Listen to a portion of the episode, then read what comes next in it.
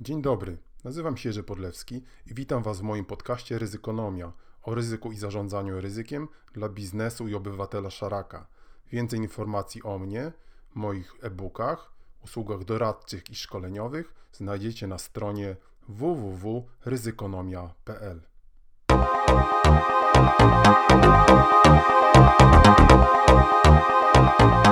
Halo, halo, halo. Dobrze do Was znowu mówić w podcaście Ryzykonomia. Witam Was po wakacjach. Mam nadzieję, wszyscy są wypoczęci. No cóż, w ryzyku oczywiście w czasie wakacji też bardzo wiele się działo, w ryzyku politycznym szczególnie, no bo przecież dzisiaj część druga będziemy mówić o ryzykach politycznych, a w każdym razie jak sobie z nimi radzić. No i cóż to o nich powiedzieć? Oj, niedobrze, niedobrze, niedobrze. Pamiętacie ten sławny pasus z audycji Rycerze, z powtórki z rozrywki? Kto pamięta? Podnosi rączkę. No, część z Was na pewno pamięta. No więc w ryzyku politycznym też wiele rzeczy się działo i chyba nie za dobrych. Jeżeli mielibyśmy to odnieść do naszej rzeczywistości tutaj polskiej, no to przede wszystkim niestety mamy do czynienia z coraz większym kryzysem w zakresie niezależności wymiaru sprawiedliwości. Mamy kolejne postępowania przed przed Trybunałem Sprawiedliwości Unii Europejskiej. Idziemy chyba na a nawet nie chyba, idziemy na czołówkę, o to już dawno przepowiadam z Unią Europejską, w tle realny bądź e, rzeczywisty po, bądź formalny polexit sprowadza się, to będzie do tego samego. No więc jak tu mówić, że ryzyka nie ma? A ono jest, ono będzie rosło, a e, oczywiście można sobie z nim radzić, ale żeby sobie z ryzykiem politycznym radzić, trzeba przede wszystkim, e, trzeba wszystkim je przeanalizować i e, można powiedzieć ujawnić, że w ogóle ono jest. Mówiliśmy o tym w pierwszym odcinku naszego podcastu o ryzykach politycznych. W tym odcinku będziemy, jak wspominałem, mówić, jak sobie, jak sobie z ryzykiem poradzić. Oczywiście zapraszamy jeszcze i zawsze odsyłamy do naszego blogu Ryzykonomia. Pojawiły się tam nowe artykuły. Pisaliśmy ostatnio o cyklu Deminga, PDCA, jak on przekłada się na frameworki, czyli struktury ramowe zarządzania ryzykiem w ISO 31 i nie tylko. No, życzylibyśmy sobie, żeby ten cykl Deminga w ogóle był y, stosowany w życiu społecznym i gospodarczym, bo to prosta, a bardzo mądra rzecz. Pojawiły się tam również inne artykuły w naszym ryzykonomii lifestyle. Pisaliśmy m.in. o rocznicy po raz kolejny rocznicy Powstania Warszawskiego. To jest dla nas bardzo charakterystyczny również moment w polskiej historii, ale również bardzo charakterystyczny przykład lessons not learned, tak bym powiedział, czyli lekcji, których się nie nauczyliśmy i które w olbrzymi sposób promieniują na to, jak, jak funkcjonuje nasze społeczeństwo dzisiaj. A więc blok Ryzykonomia zachęcamy. Zachęcamy również do zapisywania nas, się na nasz newsletter Ryzykonomia. Rośnie nam lista subskrybentów. Bardzo nas, nam z tego powodu miło.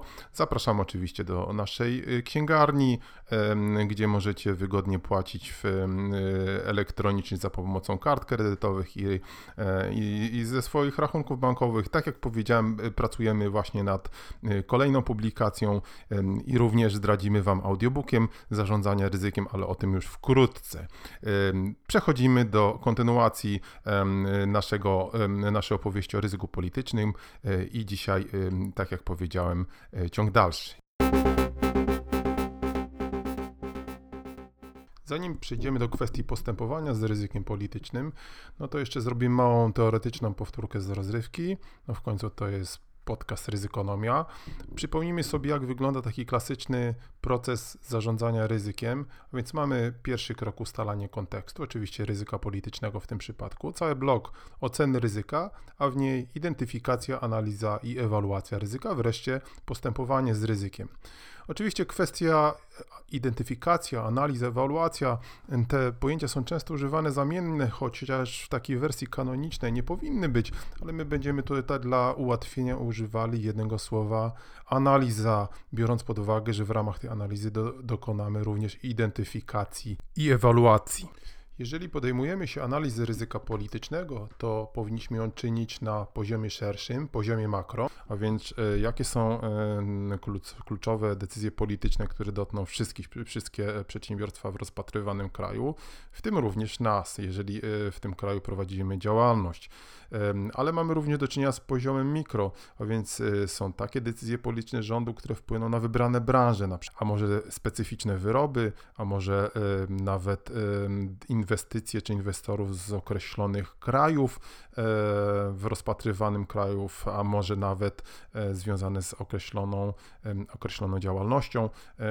Taka analiza powinna również mieć miejsce, bo być może my w którejś z tych grup się łapiemy albo, albo nie łapiemy i dobrze się o tym dowiedzieć. Jakie są teraz e, przykłady tej analizy na poziomie makro, czy e, ryzyk politycznych na poziomie makro? Jakie one mogą mieć swoje, swoje, można powiedzieć, ucieleśnienie, w jaki sposób możemy je zaobserwować? Chociażby w postaci zamrożenia możliwości transferu z wrogiego państwa. Dosyć klasyczne. Mieliśmy takie, takich parę moratorium w, w historii nowożytnej ostatnio różnych krajów na, e, na możliwość transferów z, z transferów e, zysków, transferów w ogóle finansowych z różnych państw. E, inny przykład to nałożenie limitów ilościowych na transfer kapitałów. O, na przykład taki, e, na przykład przypomina mi się, że przecież jeszcze, jeszcze kilkanaście lat temu pod rządami ówcześnie obowiązującego prawa walutowego wytransferowanie, wytransferowanie waluty za granicę wcale nie było takie, takie proste, trzeba było to udokumentować trzeba było to udokumentować różnego rodzaju e, fakturami. No dzisiaj też oczywiście faktury trzeba mieć, z kolei są e, ograniczenia związane z, z tak zwanym praniem, praniem pieniędzy, ale, ale łatwo można sobie wyobrazić różnego rodzaju limity ilościowe wynikające chociażby z sytuacji finansowych państwa, czy ograniczenia ilościowe związane z transferami kapitałów. Zresztą u nas, jak zauważyliście, na pewno bardzo często się mówi, że Polska jest zgrabiona przez zachodni kapitał e, i chociażby nie jest tak trudno sobie wyobrazić sytuację, kiedy e, w, za jakiś czas ta grabież w cudzysłowie miałaby zostać o, ograniczona właśnie przez nakładanie limitów ilościowych na transfer kapitału. Nie mówię tu oczywiście o różnego rodzaju e, sposobach na unikanie podatków, ale właśnie na, na, na transfer kapitału. Dewaluacja waluty kraju może mieć też miejsce. To jest oczywiście również decyzja często o charakterze politycznym, a mająca wielki wpływ na biznes, odmowa honorowania porozumień, umów zawartych y, z kapitałem y, zagranicznym, piractwo przemysłowe, które ma często również swoje źródła polityczne. No, trudno w takiej audycji, w takim podcaście wskazywać tu palcem, ale oczywiście znamy wszystkie kraje, gdzie e, piractwo przemysłowe ma charakter, można powiedzieć, ogólnonarodowy i trudno nie doszukiwać się tutaj również źródeł, źródeł politycznych. Niepokoje społeczne o podłożu politycznym mają oczywiście wielki wpływ na biznes i jeżeli, jeżeli dochodzi do jakichś strajków, do jakichś dużego rodzaju zaburzeń o podłożu politycznym, no to ludzie wtedy strajkują, a nie pracują i mamy prosty przykład. Y, korupcja we władzach kraju, o tym pewnie jeszcze kiedyś będziemy mówili, jak to z tą korupcją na świecie jest. Bank Światowy i inne organizacje takie globalne wskazują, że jest to jeden z naj, największych problemów w ogóle świata, razie bardzo, dzisiaj, bardzo duży dzisiaj, no bo kto w końcu ma, e, ma można powiedzieć wprost kraść, jeżeli ci, nie ci, którzy mają, mają różnego rodzaju w rękach narzędzia, którą, którą tą korupcję, tą, tą korupcję ułatwiają. Jeżeli chodzi o poziom mikro, ryzyk politycznych, to chociażby taki, że niektóre przedsiębiorstwa są traktowane gorzej od innych, tak? Nie wszystkie, tylko wybiórczo poszczególne przedsiębiorstwa. E, inny przykład analizy ryzyka na poziomie mikro to specyficzne, niekorzystne regulacje niektórych branż. I tutaj również mogą, może rząd wpływać na niekorzystnie na funkcjonowanie branż w poszczególnych krajach, które z tego czy innego powodu chciałby na przykład chronić albo ponieważ chciałby eliminować y, inwestorów w poszczególnych branżach w taki czy inny sposób. Podatki nakładane na niektóre rodzaje działalności. Następny przykład, y, następny przykład y, kwestii politycznych. Zresztą chociażby mieliśmy dopiero co głośną sprawę podatku tak zwanego supermarketów. Bez względu na to, jak oceniamy ten podatek, to oczywiście y, źródłem, y, źródłem y, wymyślenia czy wprowadzenia tego podatku, czy prób wprowadzenia raczej tego podatku były oczywiście różnego rodzaju konstatacje polityczne. To jest po prostu obiektywne stwierdzenie faktu. Różnego rodzaju restrykcyjne regulacje lokalne, wpływ regulacji, wpływ regulacji różnego rodzaju organizmów gospodarczych, które polityczno-gospodarczych, które chronią, chronią się przed inwestorami z zagranicy. Znowu przykład Unii Europejskiej, która oczywiście też e, stara się e, swój rynek e, tu w ten czy inny sposób chronić, czasami w sposób zakulisowy. W swoim czasie głośna była przecież kwestia wygrania przez, jedną, przez firmę chińską jednego z przetargów na budowę odcinka autostrady, o ile pamiętam, A2, która, która to, który to można powiedzieć projekt w efekcie, czy wykonanie tej części projektu nigdy nie doszło do skutku. I muszę powiedzieć, że w owym czasie rozmawiałem z paroma osobami z branży, z branży właśnie infrastrukturalnej i one e, pukały w głowę, no nie mi, nie wiem komu pukały, e, nie będę to mówił wprost, mówiąc, że Unia Europejska nigdy nie zgodzi się na to, żeby środki unijne przekazywane e, do Polski wypływały później do Chin. No i okazało się, że no nie będę tutaj snuł, bo o tym nie wiem, jakichś teorii spiskowych, ale najwyraźniej efekt jest taki, że ta firma, e, firma z Chin nigdy, e, nigdy tego, e, tego, nigdy tego projektu, który, który na, na, na wykonanie którego przetarg wygrała, nie, nie zrealizowała. To zresztą wydaje się całkiem skądinąd z punktu widzenia, z punktu widzenia takiego organizmu jak Unia Europejska sensowne. Każdy stara się chronić swoje interesy. E, polityka rządu, e, kolejny przykład na poziomie mikro, e, która wspiera eksport, a zniechęca do importu. No bo wydaje się, że, że bardzo, że można nawet powiedzieć, że sensowna, prawda, bo chcielibyśmy jednak więcej eksportować, mniej eksportować. Różnie to z tym bywa, ale tutaj również mogą być, mieć miejsce różne działania na poziomie, na poziomie mikro. Także jak widzicie, ta analiza jest możliwa i e, te zjawiska występują. Oczywiście tutaj musiałbym przygotować e, e, całą, całą bibliotekę wydarzeń, żeby szczegółowo mówić przykłady tych, tych zdarzeń politycznych na poziomie mikro i makro, ale myślę, że jeżeli się chwilę zastanowicie, to będziecie mogli sobie łatwo zilustrować, jak to się w rzeczywistości czy w waszej praktyce, praktyce urzeczywistniło. No i teraz, jak wspominaliśmy, te analizy są bardzo ważne, ale oczywiście nie oczekujemy, e, nie oczekujemy tego, że od siebie przedsiębiorcy, trudno oczekiwać od przedsiębiorców, że będą tutaj analizować, co się na przykład wydarzy na rynku meksykańskim, no o ile nie jest to przedsiębiorstwo, dla którego rynek meksykański jest jakiś kluczowy i ma tutaj olbrzymie, olbrzymie doświadczenie. No w przypadku korporacji międzynarodowych tak zresztą często jest, że te korporacje międzynarodowe mają e, wieloletnie doświadczenie, doskonałą znajomość poszczególnych rynków, rynków.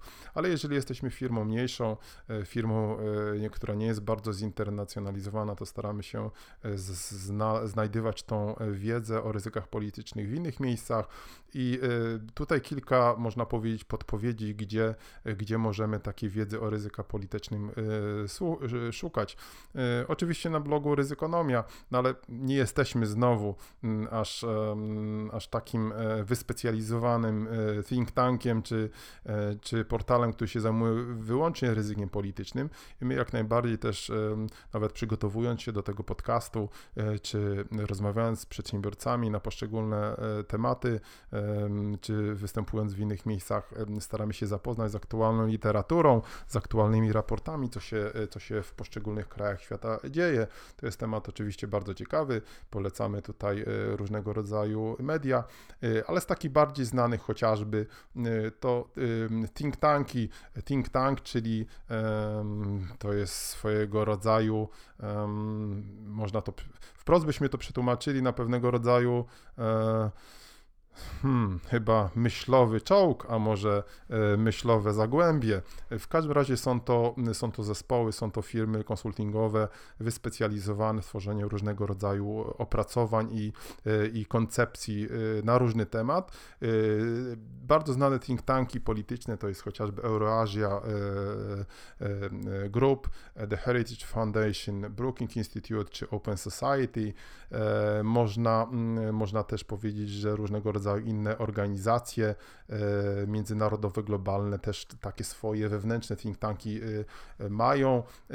O chociażby za taki think tank można też uznać Światowy Forum Ekonomiczne. W Polsce z think tankami jest gorzej. Niektóre uniwersytety starają się zapewne i jeżeli mnie słuchają tutaj moi szacowni koledzy, to pewnie zaprotestują, że ich, że ich wydziały, wyspecjalizowane grupy również są źródłami różnego rodzaju opracowań naukowych i tak zapewne jest, ale mówimy tutaj o takich klasycznych think tankach z tym w Polsce jest pewnie y, dużo gorzej. Zresztą mówi się od, od lat, że chociażby partie polityczne powinny swoje fundusze wykorzystywać właśnie na, na kupowanie różnego rodzaju analiz, a nie na rozwieszanie głupich plakatów na ulicach. Innego rodzaju źródła, gdzie można szukać wiedzy o ryzykach politycznych, oczywiście World Bank, Bank Światowy, Organizacja Narodów Zjednoczonych, CD, Międzynarodowy Fundusz e, Walutowy, Unia Europejska. To są organizacje, które prowadzą również, również rozbudowaną e, analizę ryzyk politycznych i na stronach e, i w różnych opracowaniach, paperach tych organizacji można znaleźć bardzo wiele ciekawej wiedzy o ryzykach politycznych. Inne wyspecjalizowane media oprócz think tanków, które, w których można poczytać sobie, e, dowiedzieć się, co się, e, co się dzieje w polityce, ale w rozumieniu również ryzyk politycznych, to chociażby magazyn Politico, e, magazyn Foreign Affairs, które również polecam, bardzo ciekawe artykuły.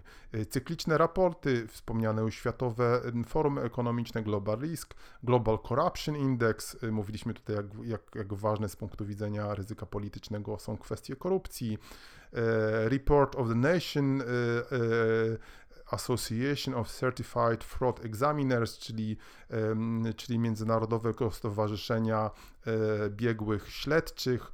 Bardzo ciekawy raport dotyczący właśnie fraudów, E, Doing Business. E, tego raportu akurat za bardzo nie lubimy, bo on jest często przytaczany. Raporty tej organizacji na dowód e, słabo działającego w Polsce sądownictwa. W tym raporcie, a w szczególności w części dotyczącej sądownictwa w Polsce są, można powiedzieć, no, istotne niedomówienia, które są później wykorzystywane, jak chociażby takie, że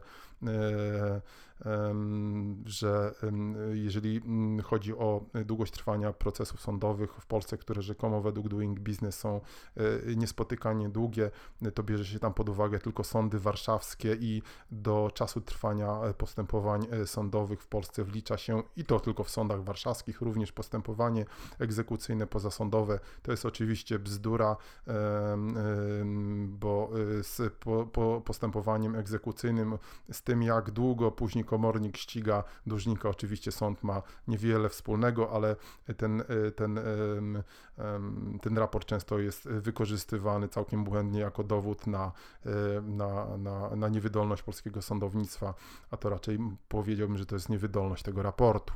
Inne agencje, które, miejsca, gdzie możemy znaleźć e, informacje o ryzyku politycznych, to oczywiście agencje ratingowe. Standard Poor's, Moody's, Fitch, z tych najbardziej znanych no jak najbardziej one są źródłem analizy ryzyk politycznych, e, ratingi kredytowe całych państw. E, oczywiście temat, e, temat rzeka bardzo ciekawy, bo są to ratingi, które nie tak znowu często są przez, przez państwa, przez państwa pożądane i od wielu lat się mówi, że te ratingi polityczne, niektórzy nawet twierdzą, są narzędziem również wpływu politycznego Stanów Zjednoczonych, bo tak się składa, że są to firmy, że są to agencje ratingowe na, na, na na kwestie polityczne właśnie za pomocą agencji ratingowych, bo jak się łatwo do, jak wiemy i się domyślamy, zwiększanie lub niestety zmniejszanie tych ratingów ma później wpływ na, na, na sytuację, na stabilność gospodarczą, polityczną poszczególnych krajów. Inne również znane to COFAS, Euler, Hermes, to są również wywiadownie gospodarcze. Tam bardzo wiele ciekawych informacji o ryzyku politycznych możemy poczytać. Poza tym globalne media, CNN, Fox, nie słuchajcie tego, ale no, ci, którzy chcą, to słuchają. Bloomberg, BBC, Deutsche Welle, Al Jazeera, CNBC, France 24 to są wszystko media, gdzie można znaleźć wiele informacji o ryzyku politycznym. Kolejnym niezwykle ważnym, a być może najważniejszym źródłem informacji o ryzyku politycznym są eksperci, a szczególnie osoby, które wiele lat pracowały w poszczególnych rejonach geograficznych. Takie osoby mają doskonałą, praktyczną, co podkreślam jest niezwykle ważne, praktyczną znajomość uwarunkowań lokalnych.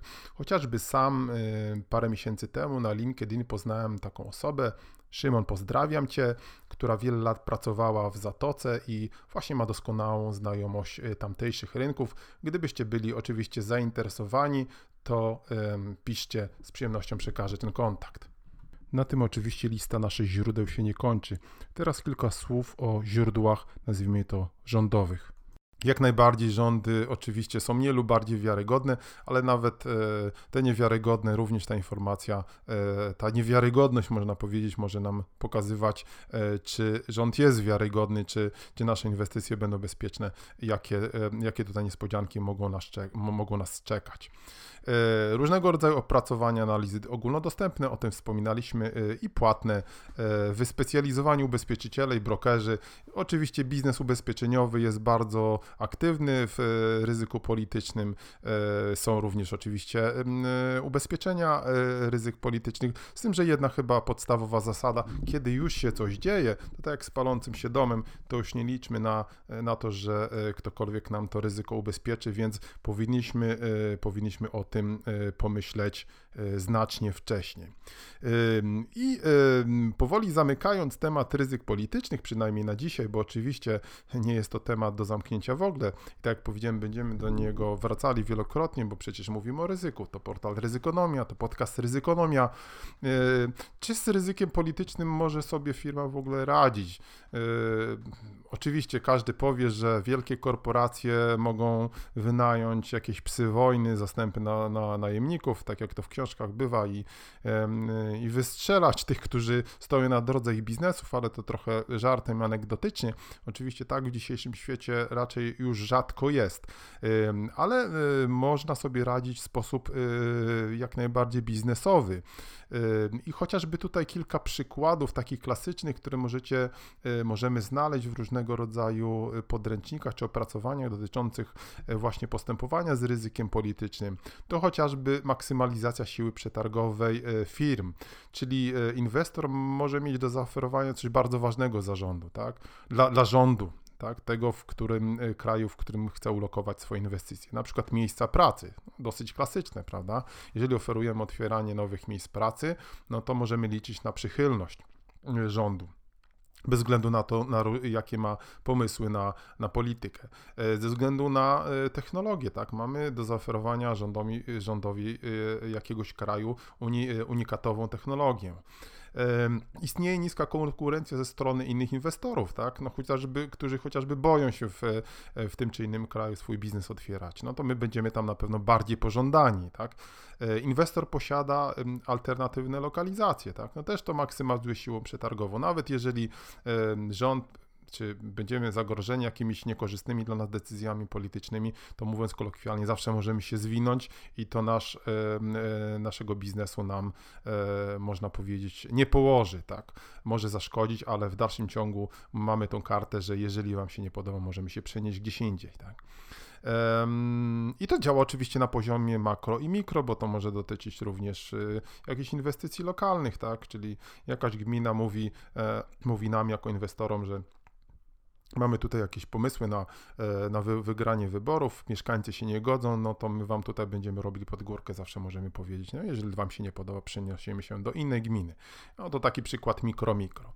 E, albo kiedy inwestor, inny przykład maksymalizacji siły przetargowej, kiedy, e, kiedy inwestor pokazuje rządowi, że chce się długoterminowo związać z krajem, tak? to również może w ten sposób wygrywać. Mieliśmy takie przykłady w, w już dosyć zamieszłej przeszłości, chociażby z firmą Fiat. E, oto chyba dobry przykład, która przecież była o dziwo bardzo tutaj mocno obecna nawet za tak zwanej komuny i, i dzisiaj mówimy pamiętacie polskiego Fiata. Kto jeździł, to wie, jaki to był wspaniały samochód. Techniki integracyjne, tak zwane, cały zbiór technik radzenia sobie z ryzykiem politycznym, czyli mamy jakiś bardzo lokalny produkt, tak, który, e, który jest lokalnie lokalny i jest rozpoznawany jako lokalny, a nie, e, a nie zagraniczny. Wykorzystujemy lokalne surowce, wykorzystujemy lokalne pozespoły, kreujemy różnego rodzaju joint venture, zatrudniamy lokalnych menadżerów, tak, najlepiej blisko zaprzyjaźnionych z władzą polityczną danego kraju. No, tak się dzieje. O, myślę, że żaden kraj nie jest, e, nie, jest, nie jest mu obce właśnie to, że firmy zagraniczne zatrudniają e, lokalnych menadżerów czy dzieci lokalnych menadżerów e, i to wcale nie tylko w Afryce. E, dobre stosunki pracy, tak, które również e, są taką techniką e, integracyjną. Pokazujemy, że w tej pracy pracuje się bardzo dobrze albo gorzej. Tak. Tutaj mieliśmy znowu całkiem niedawno przykłady z różnymi dużymi inwestorami, gdzie ta informacja o stosunkach pracy nie była wcale taka dobra z drugiej strony i to miało wpływ również na na, na postrzeganie tego, jak firma, e, mm, jak firma miałaby sobie w, w naszym kraju radzić.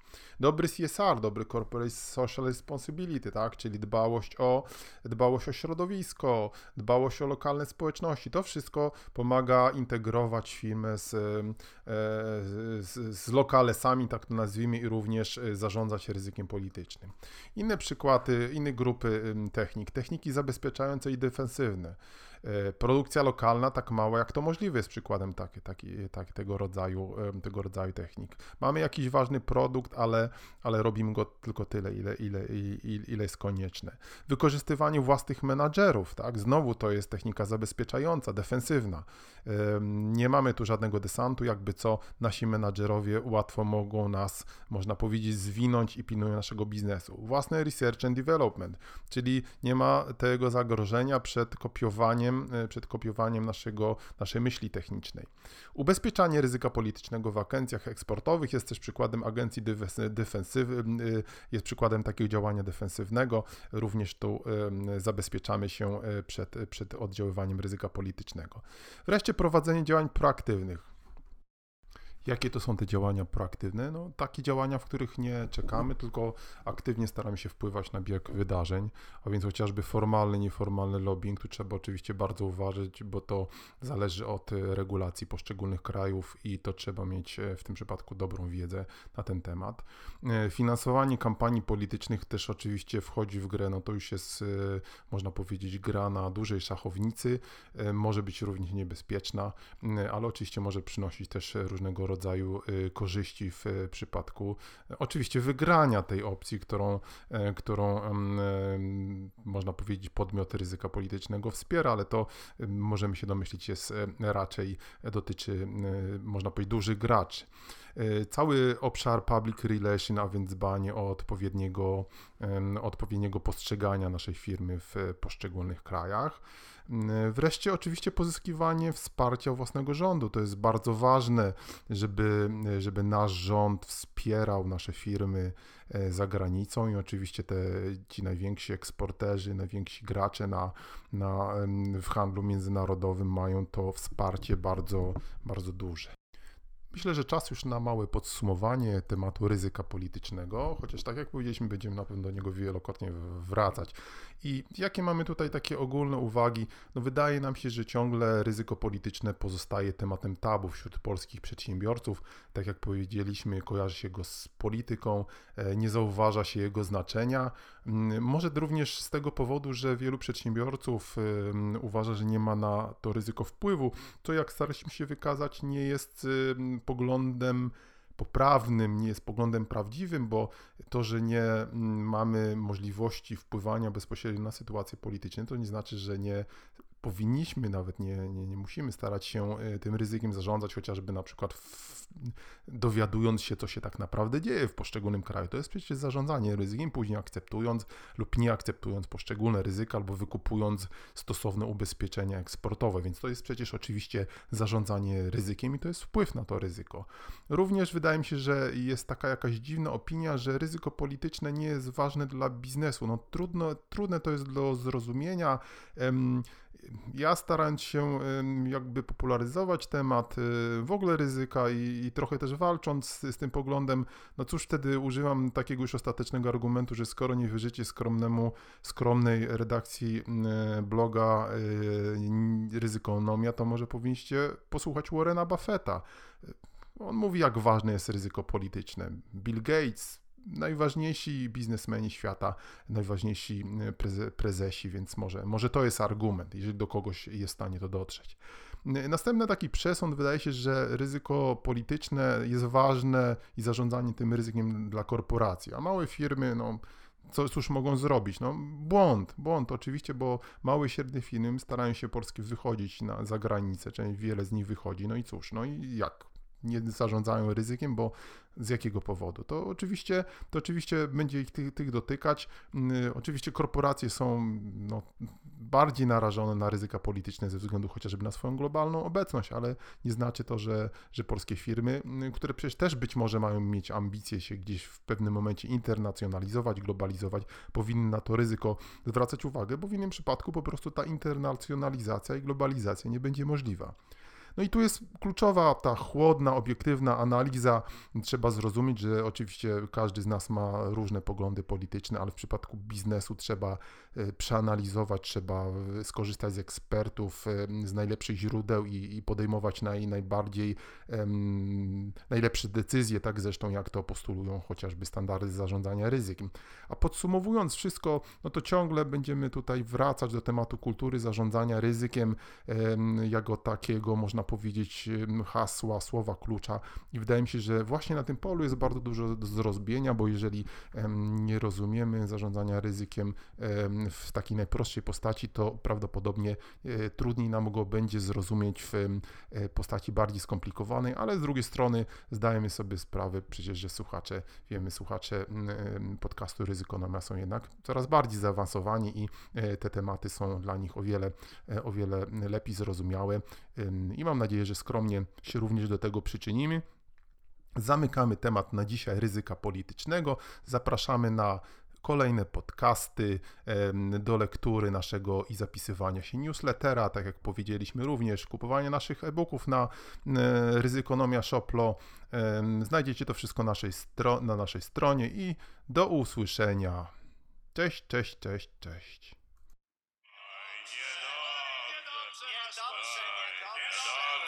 Niedobrze! A w zasadzie to dlaczego niedobrze mości za...